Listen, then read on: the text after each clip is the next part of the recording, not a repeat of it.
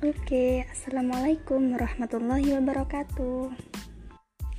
Kembali lagi dengan saya Rizky Maulidiah dari Sarjana Keperawatan tingkat 1 Nah, sekarang saya akan menjelaskan materi kali ini tentang kelompok masyarakat, sistem kesehatan nasional, dan jaminan layanan kesehatan. Yang pertama ada sistem. Sistem sendiri yaitu suatu keterkaitan di antara elemen-elemen pembentuknya dalam pola tertentu untuk mencapai tujuan tertentu. Nah, berdasarkan pengertian ini dapat diinterpretasikan bahwa di dalam sistem ada dua prinsip dasar, yaitu elemen atau komponen dan interconnection, yaitu saling keterkaitan antara komponen dalam pola tertentu. Kemudian sistem kesehatan yaitu jaringan penyedia pelayanan kesehatan atau supply side dan orang-orang yang menggunakan pelayanan tersebut atau demand side di setiap wilayah serta negara dan organisasi yang melahirkan sumber daya tersebut. Nah, dalam bentuk manusia maupun dalam bentuk material. Fungsi pokok dari sistem kesehatan itu sendiri yaitu pelayanan kesehatan, pembiayaan kesehatan, penyediaan sumber daya, stewardship atau regulator. Kemudian tujuannya, tujuan dari sistem kesehatan. Dalam batas-batas yang telah disepakati, tujuan dari sistem kesehatan adalah yang pertama, meningkatkan status kesehatan masyarakat yang indikatornya ada banyak, antara lain angka kematian ibu, angka kematian bayi, angka kejadian penyakit, dan lain sebagainya. Kemudian, meningkatkan responsiveness terhadap harapan masyarakat. Nah, dalam hal ini, masyarakat puas terhadap pelayanan kesehatan. Yang ketiga, ada menjamin keadilan dalam kontribusi pembiayaan. Sistem kesehatan diharapkan memberikan proteksi dalam bentuk jaminan pembiayaan kesehatan bagi yang membutuhkan. Nah, selanjutnya yaitu Nah, selanjutnya yaitu sistem yaitu Sistem Kesehatan Nasional atau bisa disingkat dengan SKN. Pengelolaan kesehatan yang diselenggarakan oleh semua komponen bangsa Indonesia secara terpadu dan saling mendukung guna menjamin tercapainya derajat kesehatan masyarakat yang setinggi-tingginya dan sebagai acuan dalam penyusunan dan pelaksanaan pembangunan kesehatan, perencanaan, monitoring, dan evaluasi. Selanjutnya yaitu penekanan kegiatan. Penekanan ini yang pertama yaitu peningkatan perilaku dan kemandirian masyarakat. Kemudian profesionalisme sumber daya manusia kesehatan. Terus upaya promotif dan preventif tanpa mengesampingkan upaya kuratif dan rehabilitatif. Selanjutnya ada pertimbangan dalam SKN. Yang pertama yang harus yang dipertimbangkan yaitu cakupan pelayanan kesehatan berkualitas, adil dan merata. Yang kedua, pemberian pelayanan kesehatan yang berpihak kepada rakyat. Yang ketiga, kebijak kebijakan kesehatan masyarakat untuk meningkatkan dan melindungi kesehatan masyarakat. Yang keempat, kepemimpinan dan keprofesionalisme dalam pembangunan kesehatan. Yang kelima, ada inovasi atau terobosan ilmu pengetahuan dan teknologi yang etis dan terbukti bermanfaat dalam penyelenggaraan pembangunan kesehatan secara luas, termasuk penguatan sistem rujukan. Kemudian ada pendekatan secara global, dinamika keluarga dan kependudukan, keinginan masyarakat, epidemiologi penyakit, perubahan ekologi dan lingkungan, dan yang terakhir, globalisasi. Untuk selanjutnya yaitu pembangunan kesehatan. Pembangunan kesehatan adalah upaya yang dilakukan oleh semua komponen bangsa Indonesia yang bertujuan untuk meningkatkan kesadaran, kemauan dan kemampuan hidup sehat bagi setiap orang agar terwujudnya derajat kesehatan masyarakat yang setinggi-tingginya. Kemudian, sebagai investasi bagi pembangunan sumber daya manusia yang produktif secara sosial dan ekonomis. tujuan dari SKN sendiri sistem kesehatan nasional tadi yaitu pedoman dalam pengelolaan kesehatan oleh pemerintah, pemerintah daerah, masyarakat yang meliputi badan hukum, badan usaha, lembaga swasta yang sesuai dengan perubahan dan tantangan eksternal dan internal terkini. Nah, untuk mempertegas makna pembangunan kesehatan dalam rangka pemenuhan HAM, memperjelas tujuannya ya, mempertegas makna pembangunan kesehatan dalam rangka pemenuhan hak asasi manusia, memperjelas penyelenggara pembangunan kesehatan sesuai dengan visi dan misi rencana pembangunan, memantapkan kemitraan dan kepemimpinan yang transformatif, melaksanakan pemerataan upaya kesehatan yang terjangkau dan bermutu, dan yang terakhir yaitu meningkatkan investasi kesehatan untuk keberhasilan pembangunan nasional. Landasan dari SKN. Nah, landasannya ini yang pertama yaitu landasan idil, yaitu Pancasila, kemudian landasan konstitusional yaitu UUD 1945 pasal 28 yang ketiga ada landasan operasional yaitu UU nomor 36 2009 tentang kesehatan kemudian ada asas as, ada asa kemudian ada dasar dari pembangunan kesehatan dasarnya yaitu yang pertama peri kemanusiaan, pemberdayaan dan kemandirian, adil dan merata, pengutamaan, dan manfaat. Selanjutnya yaitu asas-asas dari SKN itu sendiri. Asas-asasnya yaitu beri kemanusiaan, keseimbangan manfaat, perlindungan, keadilan, penghormatan hak asasi manusia, sinergisme dan kemitraan yang dinamis, komitmen dan tata pemerintahan yang baik, legalitas, antisipatif dan proaktif, gender dan non-diskriminatif, serta kearifan lokal. Selanjutnya yaitu jaminan layanan kesehatan. Nah, di Indonesia sendiri, jaminan ini disebut juga dengan JKN atau Jaminan Kesehatan Nasional merupakan bagian dari sistem jaminan sosial nasional atau SJN SJSN yang diselenggarakan dengan menggunakan asuransi kesehatan sosial yang diwajibkan berdasarkan UU nomor 40 tahun 2004 tentang SJSN dengan tujuan mendapatkan kebutuhan kesehatan masyarakat yang layak yang diberikan pada setiap orang yang telah membayar iuran atau iurannya dibayarkan oleh pemerintah. Nah, jaminan kesehatan ini dalam sistem jaminan sosial nasional memunculkan banyak hal yang akan menjadi perhatian banyak pihak, baik pemerintah sebagai penyedia jaminan kesehatan maupun masyarakat sebagai penerima manfaat jaminan kesehatan.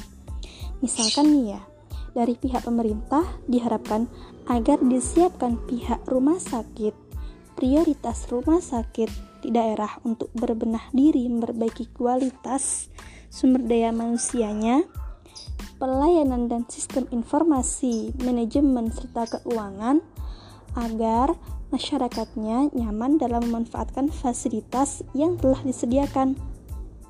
Nah, dalam pelaksanaannya ini penjaminan kesehatan akan membahas masalah jangka waktu memberlakukan sistem jaminan sosial nasional di mana di Indonesia ini terjadi beleburan perusahaan asuransi seperti Askes, Jamsos, Tek, Asabri, dan Taspen menjadi bahan pabrik yaitu Badan Penyelenggara Jaminan Sosial atau BPJS 1 dan 2. Meskipun pemerintah mengeluarkan kebijakan iuran kepesertaan bagi warga miskin dan tidak mampu, tapi justru menimbulkan polemik baru yaitu pengkategorian warga miskin dan tidak mampu yang jelas dapat memicu timbulnya masalah baru di kemudian hari serta masalah pendanaan yang sepenuhnya dibiayai oleh negara dari APBN yang sumber utamanya adalah pajak yang dibayar oleh masyarakat sendiri. CKN ini dimaksudkan yaitu dimaksudkan untuk yang pertama mewujudkan kendali mutu dan kendali biaya dalam pelayanan kesehatan. Yang kedua, memperkuat layanan kesehatan primer dan sistem rujukannya. Yang terakhir, mengutamakan upaya promotif preventif dalam pelayanan kesehatan untuk menekan kejadian penyakit sehingga orang yang berobat berkurang dan pembiayaan kesehatan menjadi lebih efisien. Nah, kesimpulan dari materi ini yaitu bahwa sistem kesehatan berjalan dengan suatu tata kelola agar tujuan dari sistem kesehatan itu dapat tercapai dengan baik. Dan dengan demikian, dalam menata sistem kesehatan diperlukan integrasi dari berbagai level pemerintahan. Intinya, tidak ketergantungan satu intinya ada ketergantungan satu sama lain antara pemerintah pusat, provinsi maupun kabupaten, kabupaten atau kota.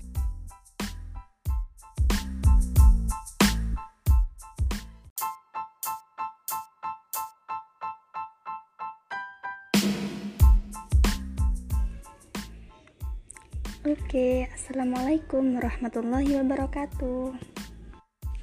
Kembali lagi dengan saya Rizky Maulidiah dari Sarjana Keperawatan tingkat 1 Nah sekarang saya akan menjelaskan materi kali ini tentang kelompok masyarakat sistem kesehatan nasional dan jaminan layanan kesehatan. Yang pertama ada sistem. Sistem sendiri yaitu suatu keterkaitan di antara elemen-elemen pembentuknya dalam pola tertentu untuk mencapai tujuan tertentu. Nah, berdasarkan pengertian ini dapat diinterpretasikan bahwa di dalam sistem ada dua prinsip dasar, yaitu elemen atau komponen dan interconnection, yaitu saling keterkaitan antara komponen dalam pola tertentu. Kemudian sistem kesehatan, yaitu jaringan penyedia pelayanan kesehatan atau supply side dan orang-orang yang menggunakan pelayanan tersebut atau demand side di setiap wilayah, serta negara dan organisasi yang melahirkan sumber daya tersebut. Nah, dalam bentuk manusia maupun dalam bentuk material. Fungsi pokok dari sistem kesehatan itu sendiri yaitu pelayanan kesehatan, pembiayaan kesehatan, penyediaan sumber daya, stewardship atau regulator. Kemudian tujuannya, tujuan dari sistem kesehatan. Dalam batas-batas yang telah disepakati, Tujuan dari sistem kesehatan adalah yang pertama, meningkatkan status kesehatan masyarakat yang indikatornya ada banyak, antara lain angka kematian ibu, angka kematian bayi, angka kejadian penyakit, dan lain sebagainya. Kemudian, meningkatkan responsiveness terhadap harapan masyarakat. Nah, dalam hal ini, masyarakat puas terhadap pelayanan kesehatan. Yang ketiga, ada menjamin keadilan dalam kontribusi pembiayaan. Sistem kesehatan diharapkan memberikan proteksi dalam bentuk jaminan pembiayaan kesehatan bagi yang membutuhkan. Nah, selanjutnya yaitu Nah, selanjutnya yaitu sistem yaitu Sistem Kesehatan Nasional atau bisa disingkat dengan SKN. Pengelolaan kesehatan yang diselenggarakan oleh semua komponen bangsa Indonesia secara terpadu dan saling mendukung guna menjamin tercapainya derajat kesehatan masyarakat yang setinggi-tingginya dan sebagai acuan dalam penyusunan dan pelaksanaan pembangunan kesehatan, perencanaan, monitoring, dan evaluasi. Selanjutnya yaitu penekanan kegiatan. Penekanan ini yang pertama yaitu peningkatan perilaku dan kemandirian masyarakat. Kemudian, profesionalisme sumber daya manusia kesehatan. Terus, upaya promotif dan preventif tanpa mengesampingkan upaya kuratif dan rehabilitatif. Selanjutnya ada pertimbangan dalam SKN.